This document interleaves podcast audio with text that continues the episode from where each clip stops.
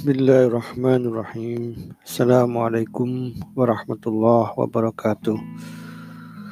Innal hamdalillah nahmaduhu wa nasta'inuhu wa nastaghfiruh wa na'udzu billahi min sururi anfusina wa min sayyiati a'malina may yahdihillahu fala mudhillalah wa may yudlil fala hadiyalah. Asyhadu an la ilaha illallah wahdahu la syarikalah wa asyhadu anna Muhammadan abduhu wa rasuluhu la nabiyya ba'da. Allahumma shalli ala sayyidina Muhammad wa ala ali sayyidina Muhammad kama shallaita ala Ibrahim wa ala ali Ibrahim bil alamin innaka Hamidum Majid.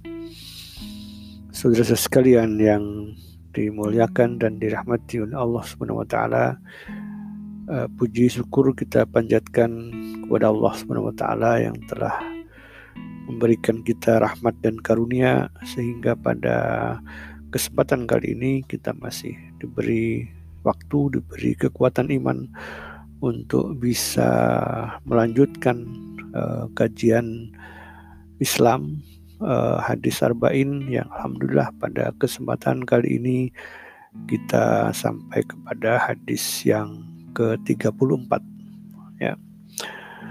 Pada hadis yang ke-34 ini uh, saya akan membacakan hadis tentang amar ma'ruf nahi mungkar yang sudah sering kita dengar.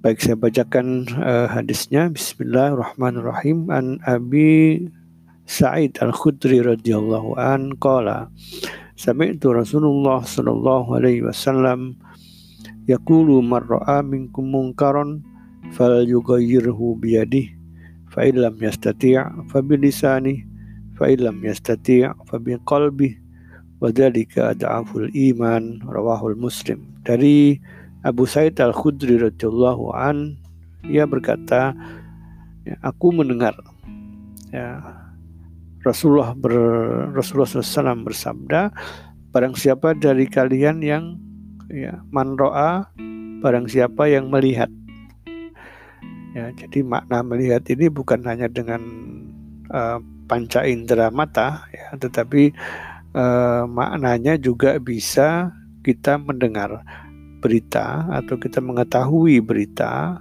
uh, yang kita dapatkan dari orang lain atau dari media dan kita yakin tentang kebenaran berita itu. Ya, jadi sudah sudah kalau tidak melihat langsung ya berarti kita sudah melakukan uh, cek and recheck ya pemeriksaan bertabayun dan kemudian kita yakin akan berita tersebut. Jadi ketika kita melihat atau mengetahui ya mungkaron ya mungkaron berarti segala hal yang dilarang oleh Allah Subhanahu wa taala dan rasulnya sallallahu ya dan berarti pelaku perbuatan mungkar ya itu harusnya terlarang untuk melakukan Ya, jadi kemungkaran yang kita lihat, yang kita ketahui ini adalah kemungkaran yang sudah jelas disepakati kemungkarannya. Jadi tidak ada perbedaan bahwa itu adalah kemungkaran, ya, itu adalah dosa. Ya, jadi bukan hal-hal yang masih menimbulkan perbedaan pendapat di antara para ulama. Ya, jadi itu adalah kemungkaran yang nyata, kemungkaran yang disepakati bahwa itu adalah kemaksiatan ya. Ya man ro'a minkum mungkaron. Ya. Fal yughayyirhu biyadih. Maka ketika kita ya uh, orang yang sudah balik ya muslimin yang sudah balik yang sudah mukallaf yang sudah terbebani dengan hukum syar'i ya melihat mungkaron maka fal yughayyirhu biyadih. Maka hendaklah ya dia mengubah dengan tangannya Ya, jadi ini juga sama dengan uh, tadi makna melihat bukan hanya melihat dengan mata, maka makna merubah dengan tangannya juga tidak harus selalu dengan kedua tangannya. Ya, contohnya ketika dia orang yang punya kuasa, maka ia bisa menggunakan kekuasaannya untuk merubah kemungkaran itu. Ya, meskipun dengan kedua tangannya ketika dia mampu untuk uh, menggerakkan tangan dan menyelesaikan atau menghentikan kemungkaran, maka uh, dia wajib melakukan itu. ya ketika dia mampu ya ketika dia mampu merasa mampu untuk melakukan dengan tangannya maka dia uh, harus melakukannya ya tapi kalau dia merasa tidak mampu ya meskipun dia punya kekuasaan meskipun dia punya tangan kekuatan tapi dia merasa tidak mampu ya maka uh, mungkin dia tidak akan melakukannya. Ya fa'ilam yastati ya tadi karena uh, fal yughayirhu ketika dia mampu tapi ketika dia tidak mampu fabilisani maka dia mencegahnya kemungkaran tadi dengan uh, perkataan dengan lisannya. Ya dengan nasihat. Ya dengan uh, amar ma'ruf nahi mungkar. Ya dengan hikmah ya, dan melarang dengan cara yang baik. Ya jadi makna mengingkari dengan lisan itu di era sekarang juga bisa diartikan dengan tulisan. Ya ketika kita melihat uh, postingan di media sosial ya Uh, maka kita tidak bisa bicara langsung ke orangnya, tetapi kita bisa menulis, ya kita bisa menasihati dengan menggunakan tulisan. Ya, jadi fa'ilam yastati fabilisani itu juga maknanya selain dengan perkataan, nasihat secara langsung, tapi juga bisa lewat tertulis. Ya, fa'ilam yastati fabiqolbihi dan ketika dengan lisan, dengan perkataan ataupun dengan menulis dia tidak mampu, ya maka eh, apa namanya bisa dikerjakan eh, dengan eh, hatinya, mengingkari, ya, mengingkari dengan hatinya. Ya, dia menyatakan bahwa tidak suka.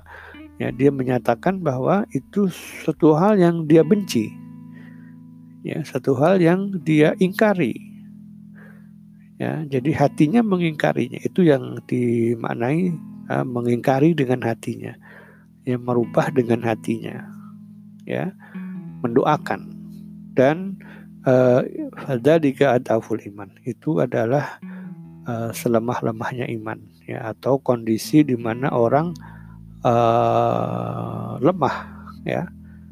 Mungkin dalam kondisi dia tertekan dan dia tidak bisa menggunakan tangannya dia tidak bisa mengucapkan dia tidak bisa menulis ya maka dia hanya bisa menjerit hatinya ya, mengingkari kemungkaran itu tanpa bisa atau tanpa mampu merubahnya dengan uh, kekuasaan, dengan tangan ataupun dengan tulisan atau dengan uh, perkataan secara langsung.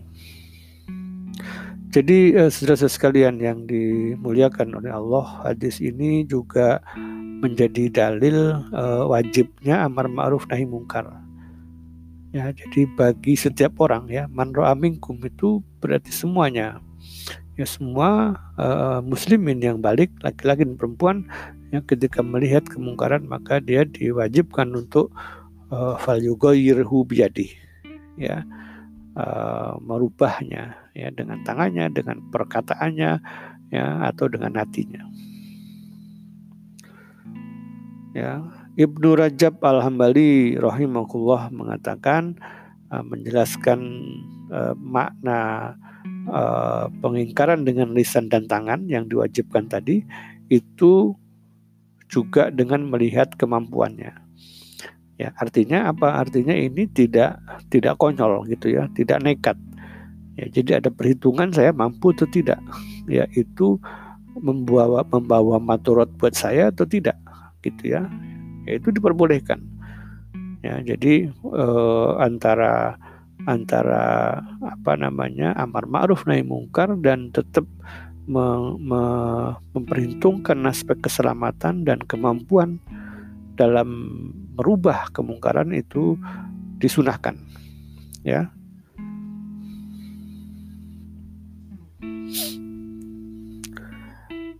Terkait dengan kemungkaran yang dilihat ya. Jadi tadi disebutkan kriteria kemungkaran itu adalah kemungkaran yang betul-betul uh, nyata kemungkarannya. Ya, jadi uh, tidak setiap kemungkaran atau uh, ketika suatu kesalahan ya kesalahan yang masih diperdebatkan apakah itu salah atau benar ya maka uh, bukan seperti itu kriterianya jadi yang dimaksud dengan kemungkaran di sini yang harus dilarang ya adalah perbuatan yang sudah diyakini mungkar ya ada dalilnya. Ya misalkan orang menganiaya orang lain ya atau dia uh, uh, kemungkaran terhadap dirinya sendiri. Ya dia memfitnah. Dia kita tahu dia memfitnah. Ya atau kita tahu dia sedang menggunjing orang. Ya berarti dia melakukan kemungkaran terhadap dirinya sendiri.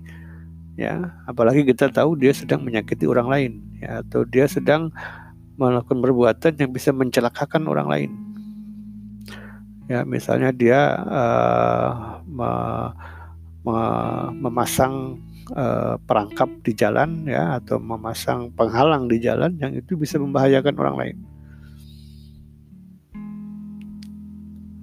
Ya, jadi uh, perbuatan yang sudah diyakini oleh umum menjadi suatu perbuatan yang mungkar, maka itu yang dimaksudkan yang harus dilarang. Ya, kemudian si pelakunya sendiri juga dia mengang, mengakui bahwa itu kemungkaran. Ya, jadi bukan bukan uh, dia tidak tahu, tapi dia memang berniat jahat. Ya, dia berniat jahat untuk melakukan sebuah kemungkaran.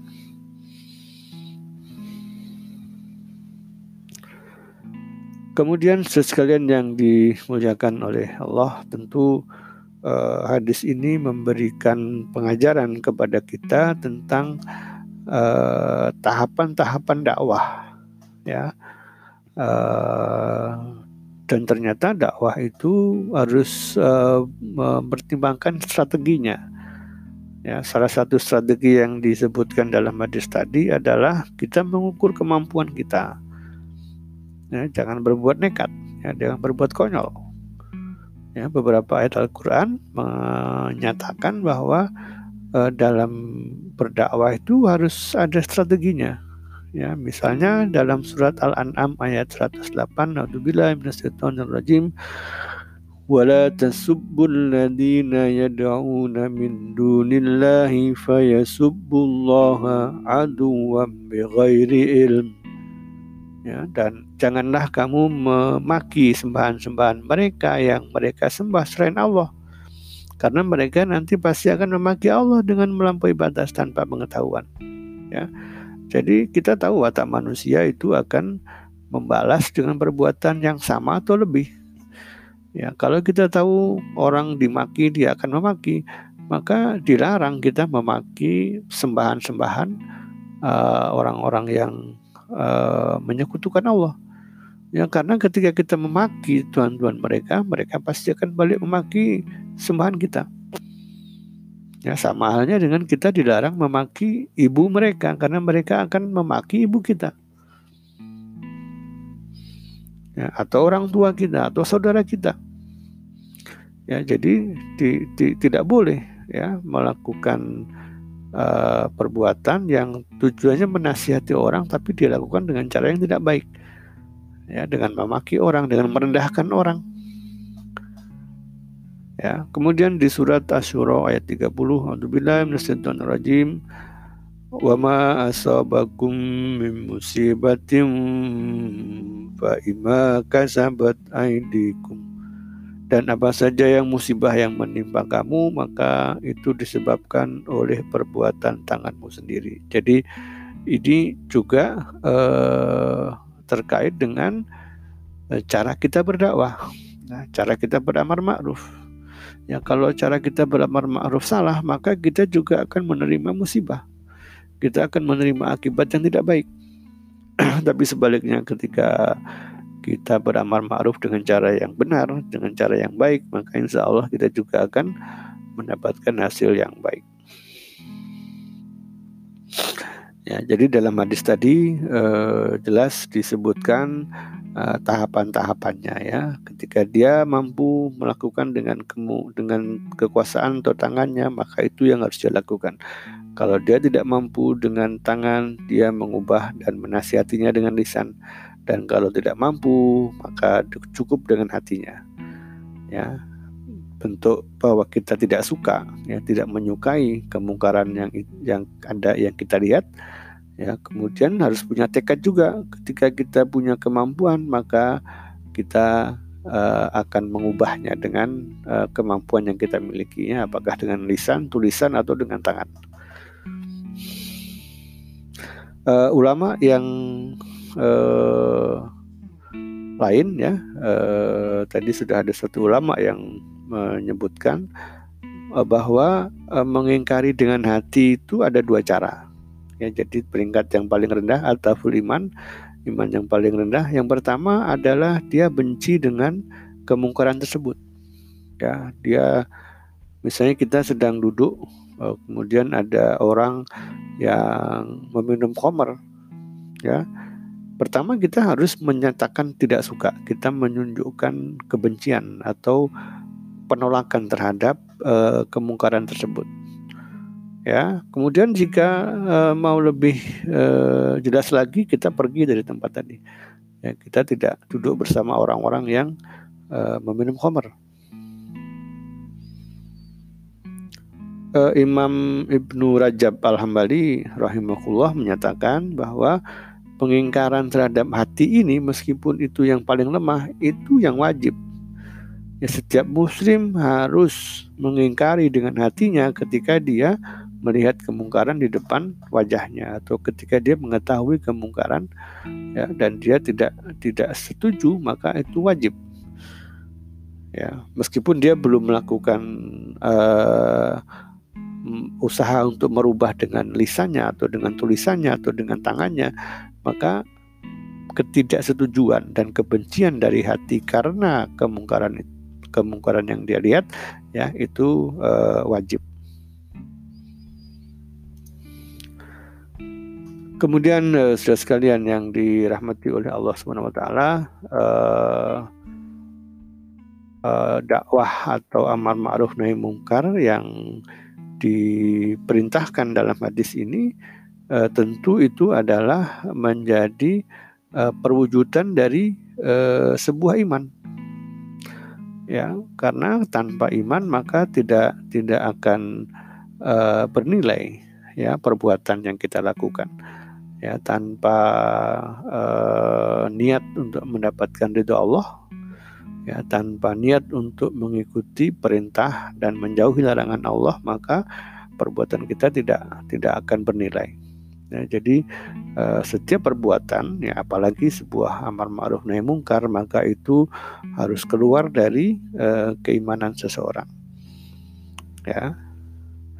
Uh, dan ketika eh, dakwah itu atau amar ma'ruf itu keluar dari iman yang sudah apa menyatu dengan eh, perilaku kita. Ketika orang iman maka dia akan ditunjukkan dengan apa amal soleh.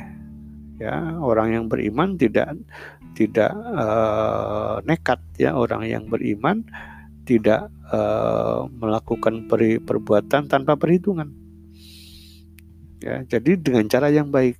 Artinya uh, amal ma'ruf nahi mungkar juga harusnya dilakukan dengan eh, cara-cara uh, yang lemah lembut. Ya.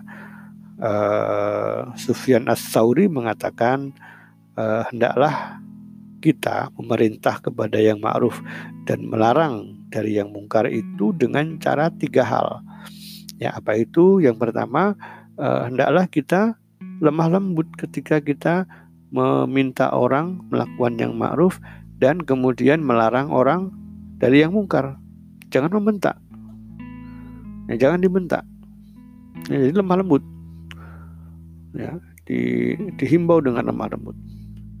Kemudian eh, yang kedua, eh, Sofyan As-Sauri mengatakan eh, cara yang baik untuk melakukan amar ma'ruf nahi mungkar adalah bersikap adil ketika memerintah dan melarang. Ya, jadi uh, ini tentu perlu apa namanya pengalamannya perlu teknik. Ya uh, mana yang bisa memberikan manfaat lebih banyak. Ya mana yang bisa menghindarkan madorot lebih banyak. Ya pada saatnya kita harus lebih banyak memerintah tapi pada saat yang lain lagi mungkin kita harus pandai pandai-pandai juga melarang. Ya jadi uh, ini membutuhkan tentu kedalaman uh, akhlak seseorang dan uh, tidak hanya semata-mata amar ma'ruf nahi mungkar tapi sudah memikirkan mana hasil terbaik ya apa hasil terbaik dan cara yang bisa mem memberikan hasil terbaik Kemudian yang ketiga uh, yang dinasihatkan oleh Sofyan Asauri dalam hal amar ma'ruf nahi mungkar adalah berilmu. Ya, dia memiliki ilmu terhadap apa yang diperintahkan dan apa yang dilarang. Ya, tentu tanpa ilmu kita nggak punya dasar ya untuk memerintahkan sesuatu. Ya, apalagi kita tidak melakukan. Ya, atau apalagi kita melakukan sesuatu kemudian kita melarang ke orang lain untuk tidak melakukan Nah, itu suatu yang hal yang kontradiksi ya. Ya, kita melarang merokok tapi kita merokok. Ya, kita uh, melarang untuk untuk apa namanya? Uh, uh, uh, meminum khamar misalnya tapi kita kadang-kadang kita minum minum khamar.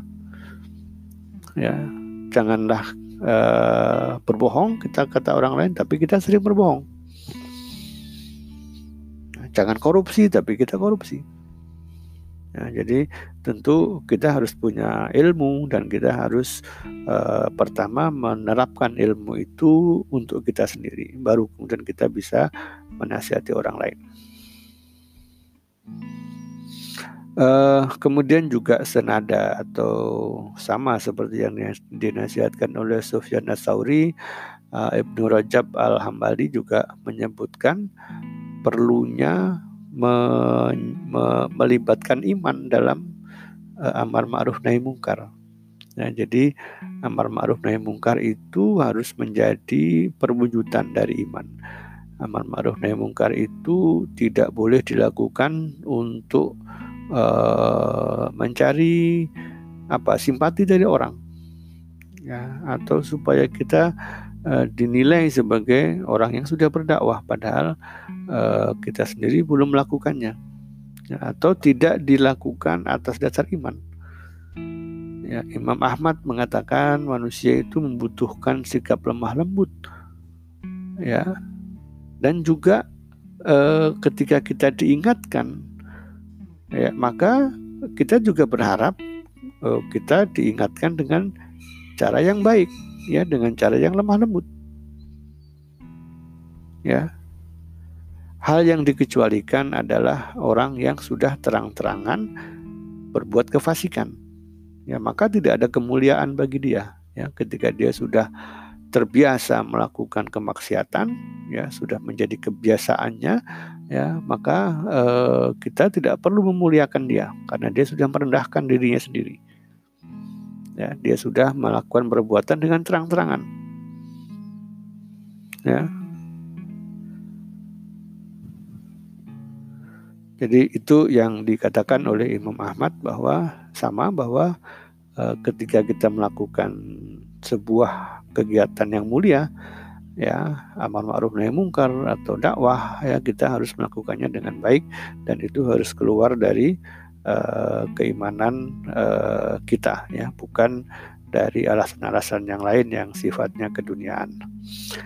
Uh, baik sekalian yang dirahmati oleh Allah Subhanahu wa taala, sebetulnya masih ada beberapa hal yang uh, ingin saya sampaikan terkait dengan uh, adab ya. Uh, apa namanya adab dalam amar ma'ruf nahi mungkar dan kemudian eh, bagaimana memberantas kemungkaran tadi dengan tangan dan hati, kemudian menggunakan kekuasaan, ya itu eh, adabnya bagaimana? Ya, namun mungkin kita akan lanjutkan pada kesempatan yang lain, ya karena eh, butuh waktu yang agak lama dan eh, saya membatasi maksimum tausiah ini adalah ya, 30 menit ya. Ini sudah 20 4 menit sudah hampir setengah jam. Maka saya cukupkan dulu sampai di sini. Uh, kita lanjut dalam uh, pembahasan lanjutan tentang hadis yang sama pada kesempatan yang lain. Uh, kita tutup dengan doa penutup majelis subhanaka allahumma wa bihamdika asyhadu an la ilaha illa anta astaghfiruka wa atubu ilaik bila taufiq wal hidayah wal afu minkum. Assalamualaikum warahmatullahi wabarakatuh.